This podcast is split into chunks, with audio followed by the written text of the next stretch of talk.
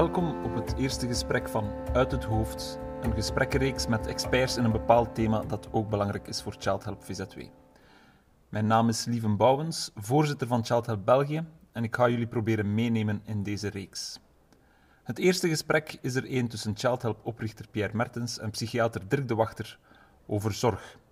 Het vond plaats naar aanleiding van de opening van de tentoonstelling Loving Care van Pierre in de Blikfabriek in Hoboken, gecureerd door Edith Dove.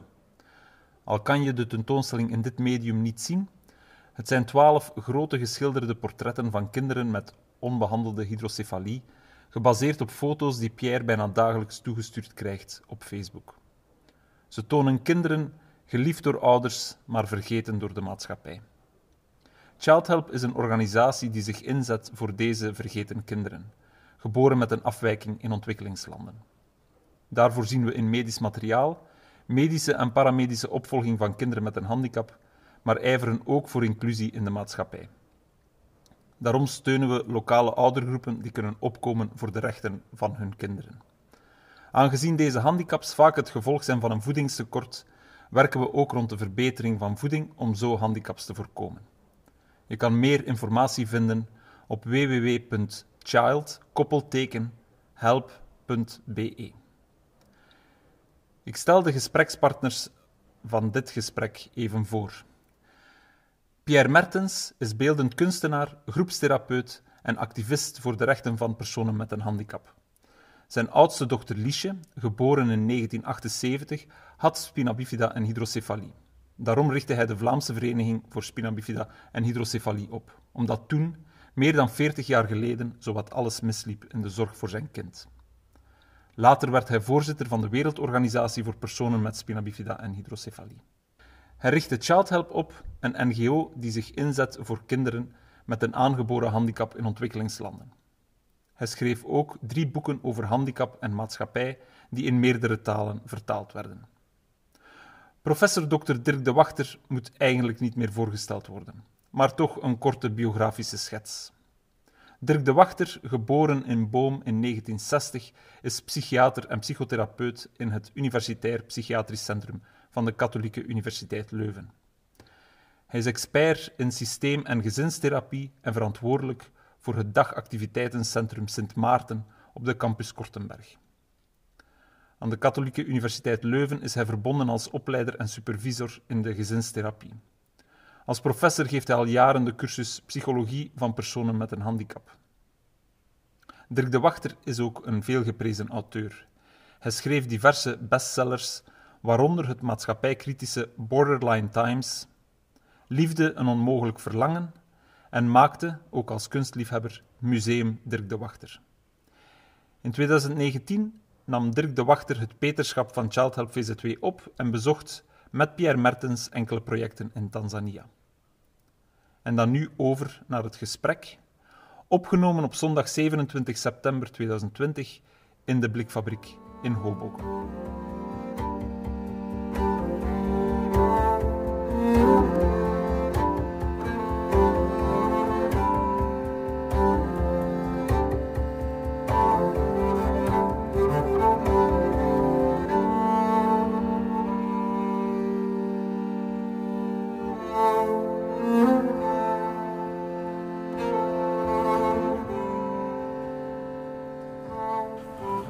Ja, Lieven zei juist, we zijn samen in Tanzania geweest.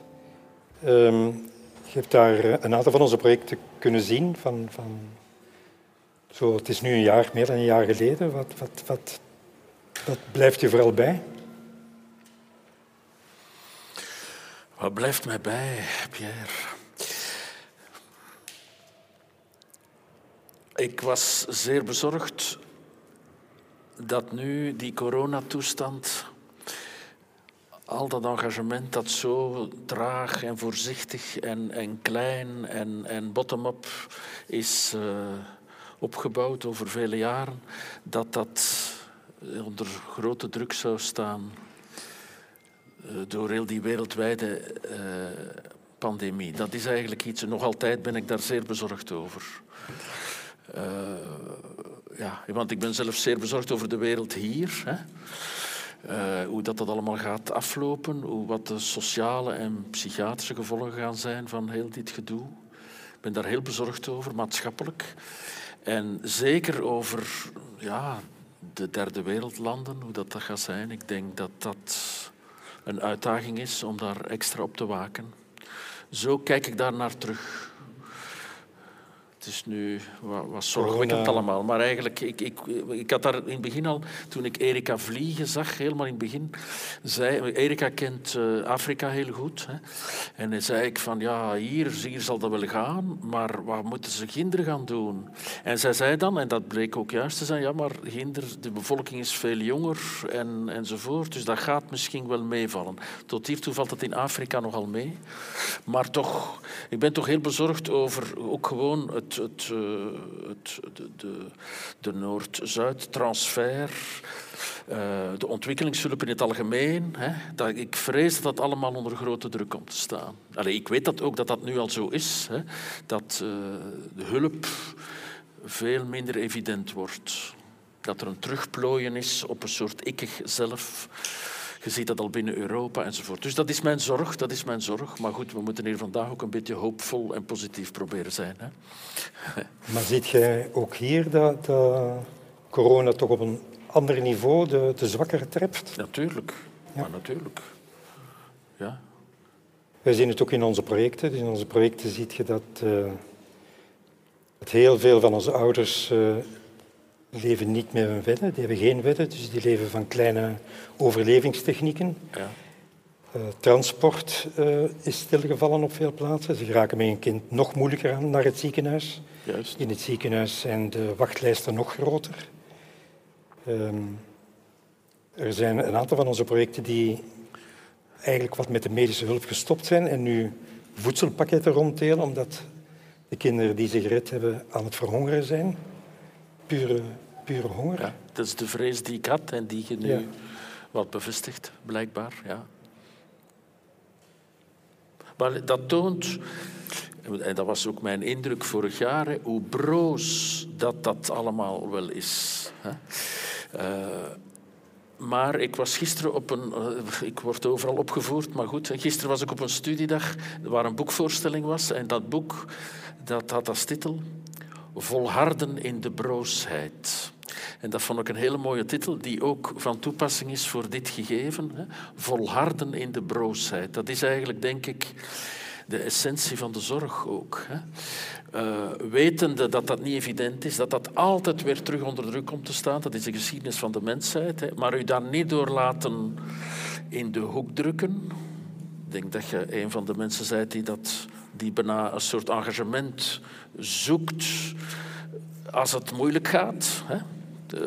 Maar goed, er zijn grenzen aan alles natuurlijk. Hè. Maar hè, dus volharden in de broosheid, dat is ondanks de omstandigheden toch blijven zoeken naar mogelijkheden om de mensen die uit de boot dreigen te vallen of eruit gevallen zijn, om die ja, te verbinden.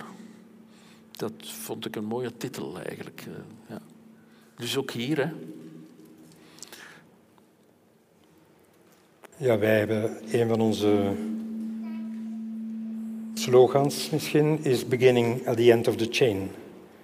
Uh, beginnen daar waar het kind is en niet beginnen bij de minister of bij de ziekenhuisdirecteur of bij de professor, maar eigenlijk beginnen aan het bed van degene die ziek is. Daar moet eigenlijk... Ja, beginnen, maar, maar ja, dat is juist, maar zo naïef zijt je ook niet. Hè?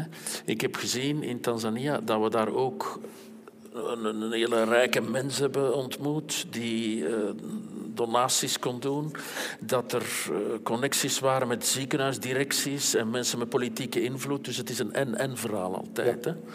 Uh, ik refereer altijd naar de filosofie van Levinas. Hè.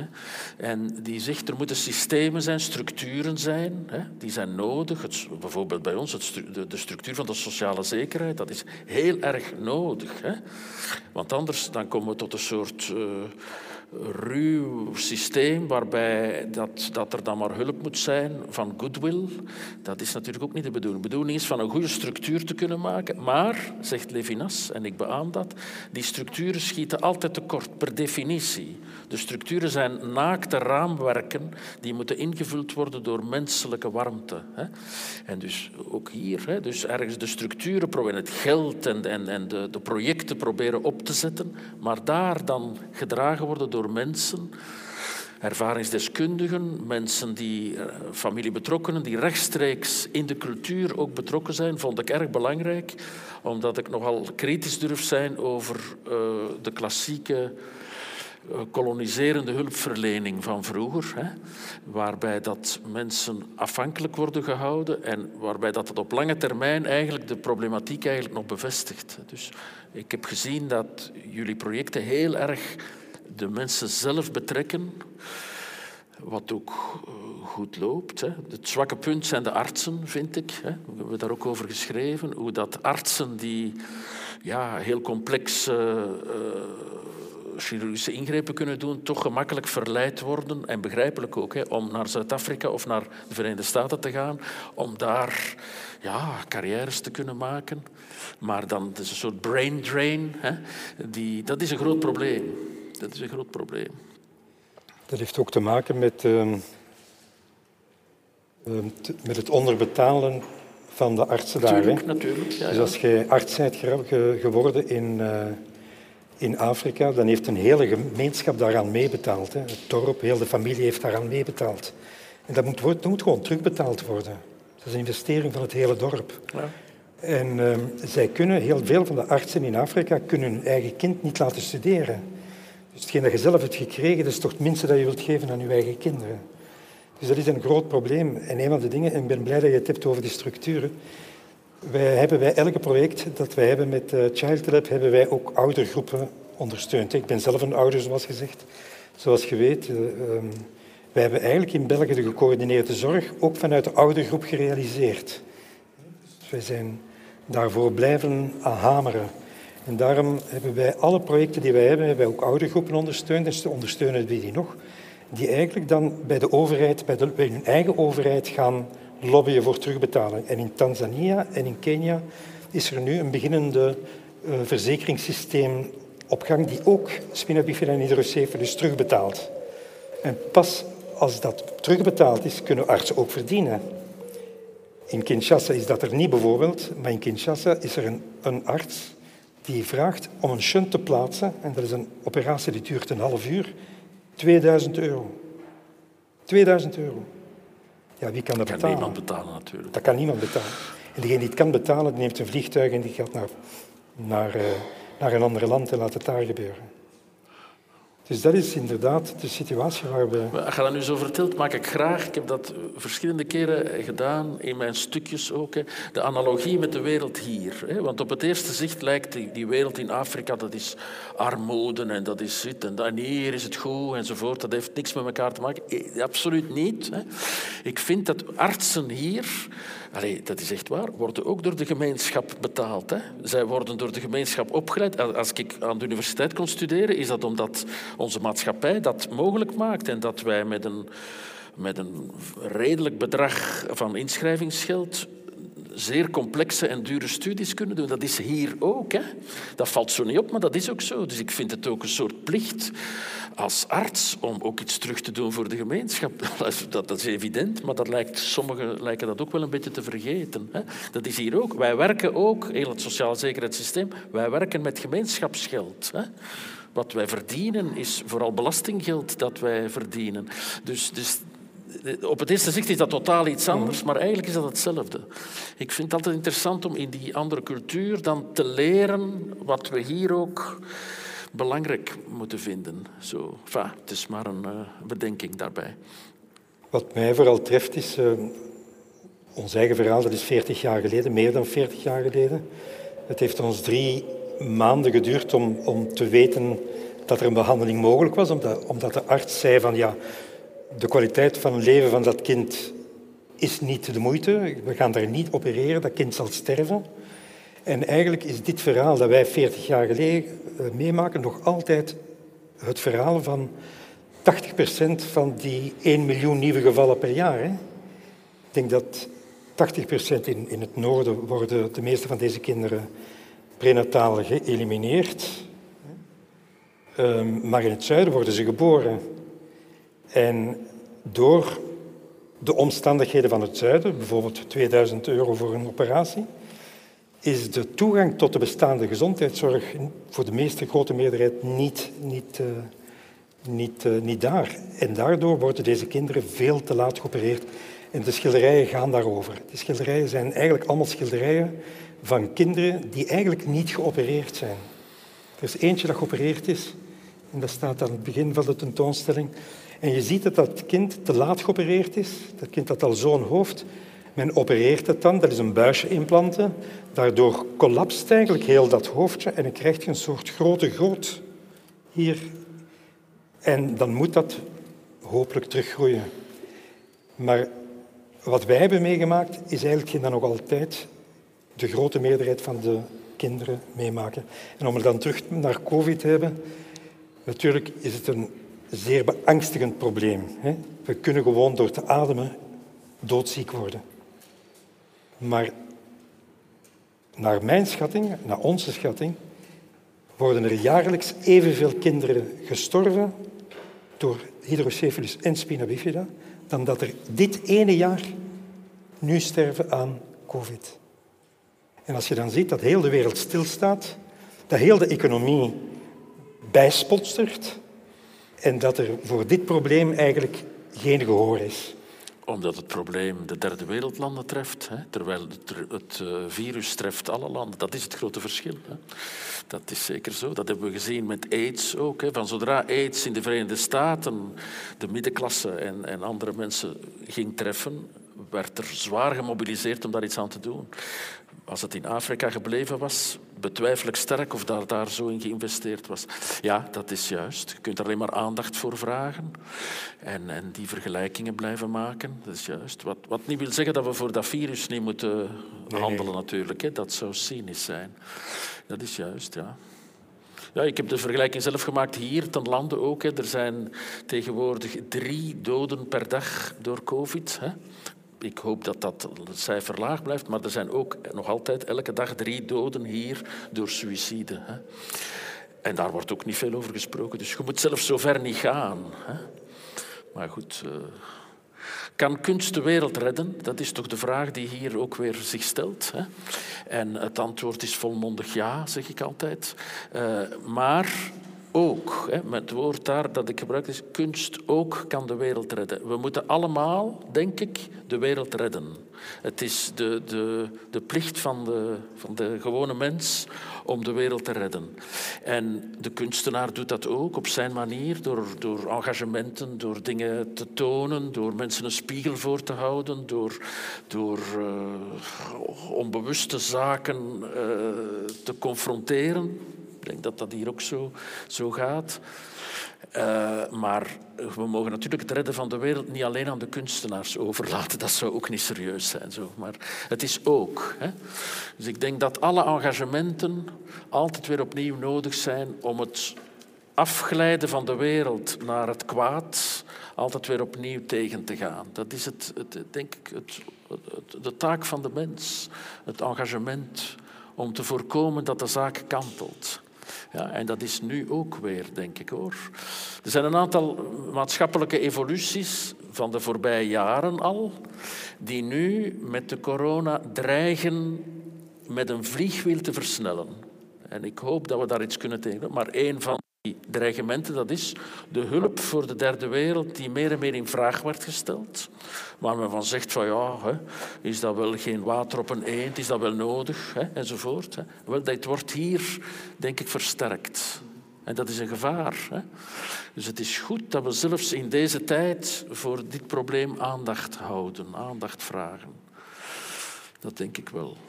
En ik ben dan van de andere kant ook, als je het op the long run ziet, ook niet pessimistisch over de wereld. Ik denk dat er on the long run wel altijd weer terug vooruit gaat. Dat we beter leven op deze wereld dan 500 jaar geleden. Dat denk ik wel. Maar er zijn af en toe dips die niet te doen waren. Hè? En ik hoop dat we niet in zo'n dip geraken. Ik ben, ben heel erg bezig geweest met ehm, al die drie doden per dag. Zegt ja, maar de drie doden per dag is wel gigantisch. En heel dikwijls, zeker in de, in, de, in de piek van mensen die alleen sterven, alleen omgeven zijn door, door marsmannetjes, geen bezoek, zo sterven, dat is toch van, van het ergste dat er is. Hè? Dat is waar, ja, dat is waar. Dat vind Ik denk ik dat, dat, dat, dat sterven, we gaan het allemaal meemaken, dat is een van de zekerheden van het leven. Maar als je dat omringd kunt doen, je dat is nabijheid zeker kunt doen, Dat is een van de ergste gevolgen geweest van, van de coronacrisis. Ik hoop dat we daar ook technisch dingen kunnen op vinden. Als, je, als je naar de maan kunt vliegen, naar Mars kunt vliegen, zou er dan ook geen doden kunnen nabij zijn. Dat is mijn stelling daar. Kunnen we daar niks op vinden? Dat mensen toch kunnen bij zijn, nabij zijn, aanraken nog iets zeggen, eh, waarachtig mekaars blik kunnen zien enzovoort. Dat, dat hoop ik, ja. Ik hoop dat er daar nogal wat voortschrijdend inzicht is, dat we daar genuanceerder mee om kunnen gaan. Dat hoop ik zeker, ja. Ook uitvaarten, het was niet alleen het sterven, maar ook de uit- afscheid met 25 mensen die op afstand met een mondmasker daar zo zitten. Dat was in sommige gevallen toch echt wel zeer lastig. We krijgen nogal wat complexe rouw op onze consultatie de volgende maanden en jaren. Zeker, ja.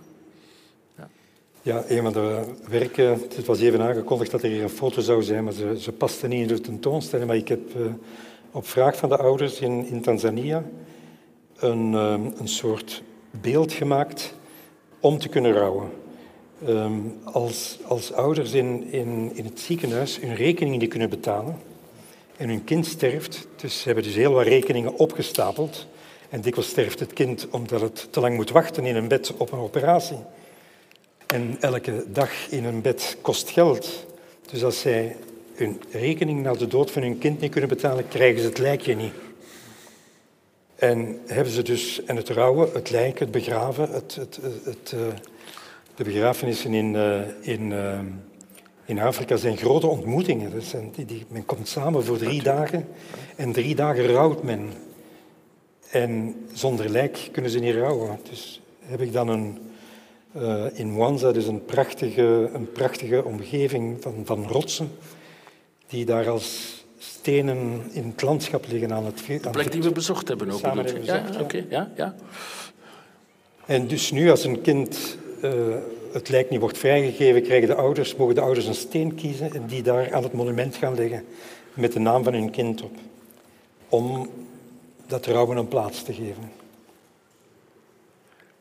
Maar hoe hard kan een, een wereld zijn dat als je rekeningen niet kunt betalen, een rekening die toch uitgemond heeft in de dood van je kind, dat je dan dat lijk niet krijgt? Ja, natuurlijk. Ja, ik bedoel, ja, maar mijn vrees is dat we hier ook, als we niet opletten, tot zulke toestanden dreigen te komen. Hè? Dat je naar een onmogelijk betaalbare gezondheidszorg gaat, waar mensen uit de boot vallen en dat je zo'n toestanden krijgt. Allee, laten we daar toch maar heel goed nu al op letten, voordat het vliegviel ons te ver eh, drijft. Zo, hè. Ik ben daar heel bezorgd over, hoor, hoe dat de, de, de begroting van de, van de volgende jaren gaat zijn hè, en hoe kort het geheugen van de burger gaat zijn, die na de witte lakens en het applaus terug naar de orde van de dag moet gaan en naar een consumentistische samenleving die, die vergeet hoe belangrijk de zorg en ook het onderwijs, zeg ik altijd, de zorg en het onderwijs zijn eigenlijk de stutten van de beschaving. Hè. Uh, en dat ziet je ook in, die, in, in, in Afrika. Hè. Zorg en onderwijs, dat, is, dat, dat, dat stuit uw, uw samenhang. Dat, dat is waar het, waar het over gaat. En daarin investeren is cruciaal. Als je dat vergeet, dan, gaat, dan verkruimelt heel, heel de bodem. Hè. Iets wat je eigenlijk nu, maar dat is nogal maatschappijcrisis, wat je in de Verenigde Staten een beetje ziet. Hè. Hoe dat de samenhang kraakt. En dat heeft te maken met een evolutie die al jaren bezig is van het, het uh, splitsen, een gespleten samenleving, het teloorgaan van het middenveld, van, van de middenklasse. Hè. Het is erg belangrijk uh, dat we dat hier in Europa kunnen behouden. Denk ik. Enfin, ik denk dat allemaal misschien, misschien is het niet helemaal juist, maar ik denk het. Ja. Dat is voor, voor u de, de kunst van het zorgen? Dat is voor u het meest essentiële binnen de zorg? de kunst van het zorgen. Het nabij zijn, denk ik, het nabij zijn. Wat dus heel moeilijk is nu in deze rare tijden. Het nabij zijn, het uh, miteinander zijn, kunnen, kunnen uh, ja, zelfs al is het lastig, of gaat het niet, of is het allemaal niet mogelijk, of kan er niks niet meer, daar zijn.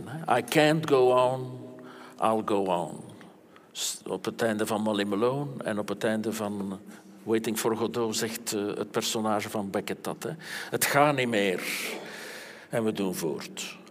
Ik denk dat dat wat erg belangrijk is voor de geneeskunde ook. Voor de geneeskunde van... Enfin, je geeft het voorbeeld zelf van uw dochter in der tijd. Als het niet meer gaat, dan moeten we er zijn. Zoiets, hè?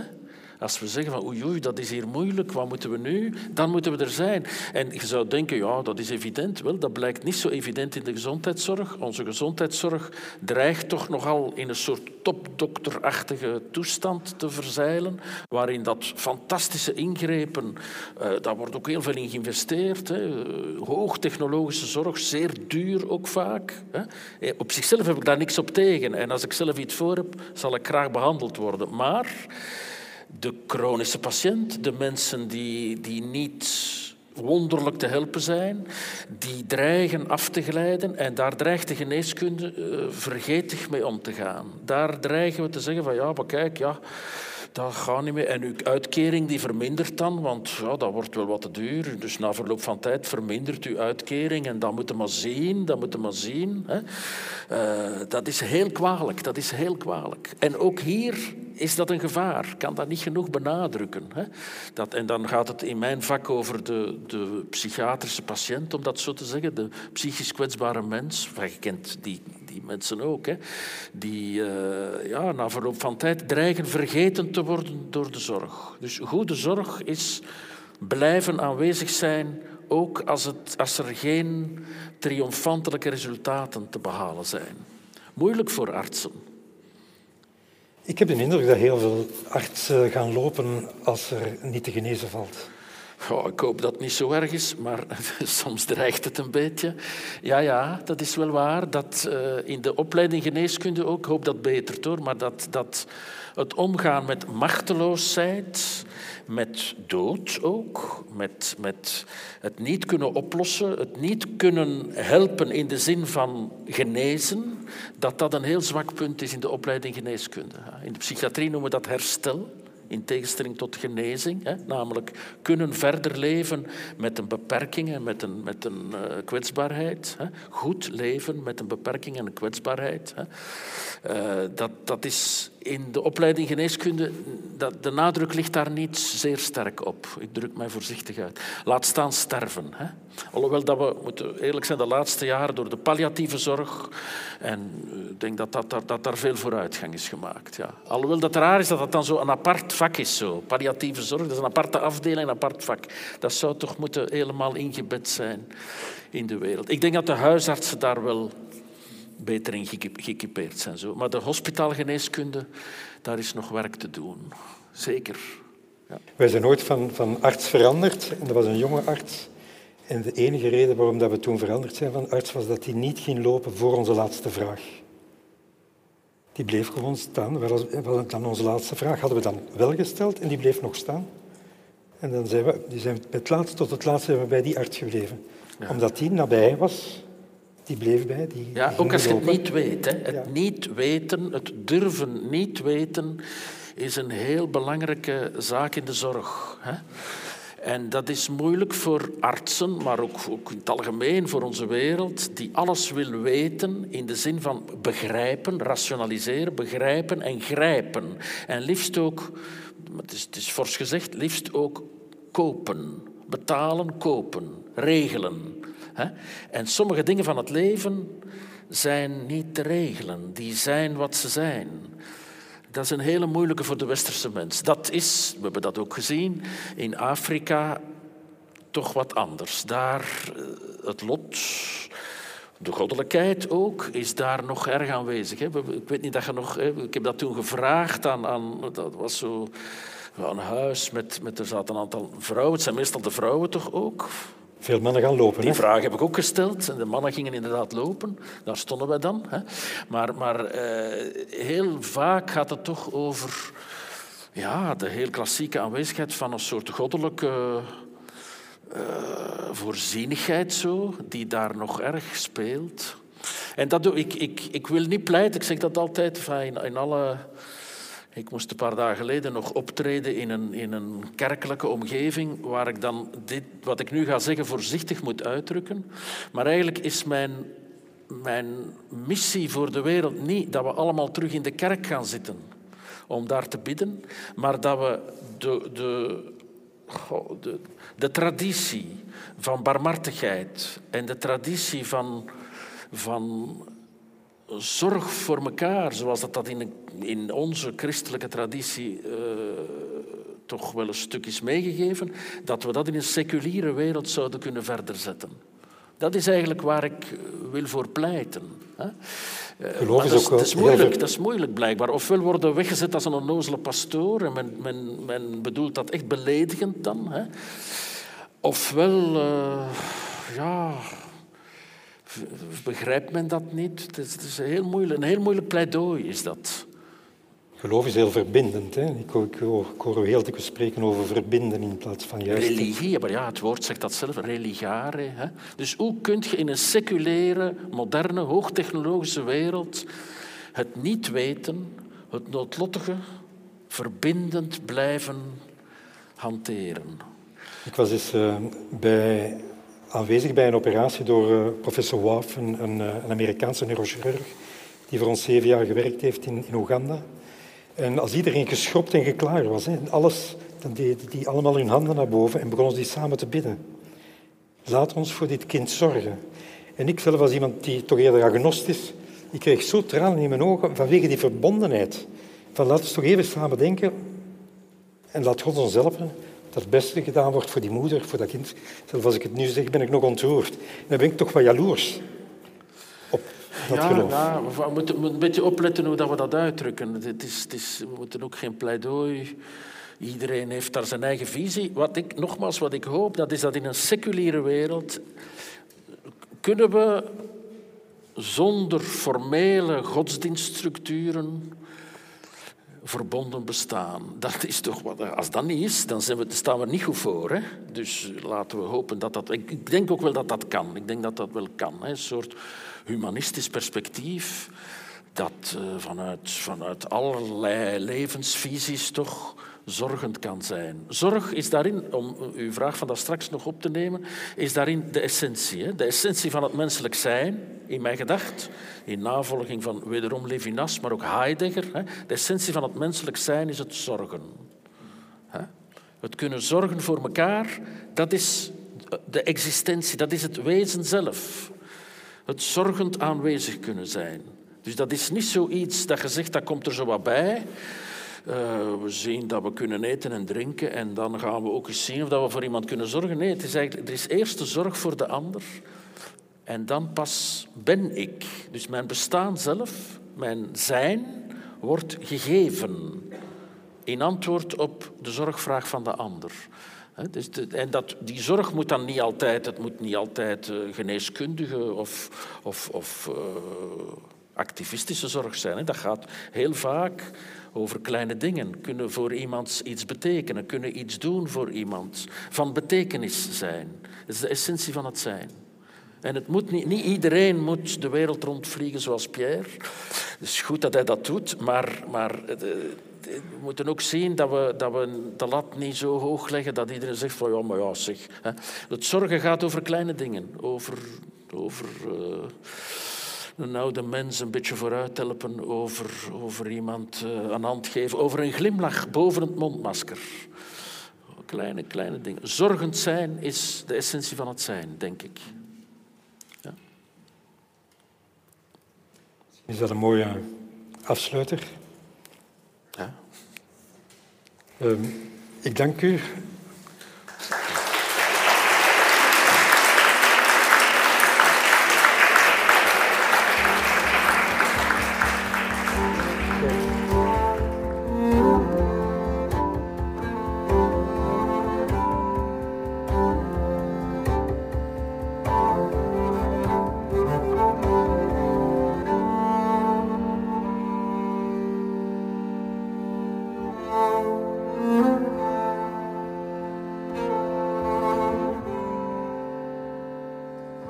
Dit was dus het eerste gesprek in de reeks Uit het Hoofd. We danken Dirk de Wachter en Pierre Mertens.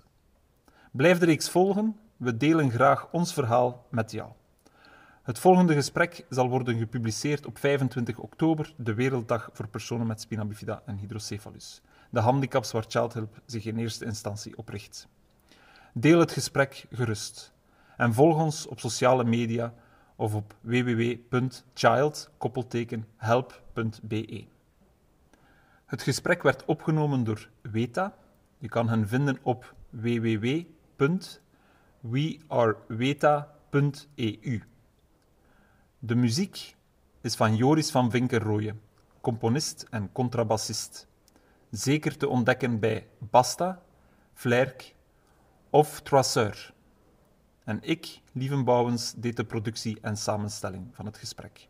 Tot een volgende keer.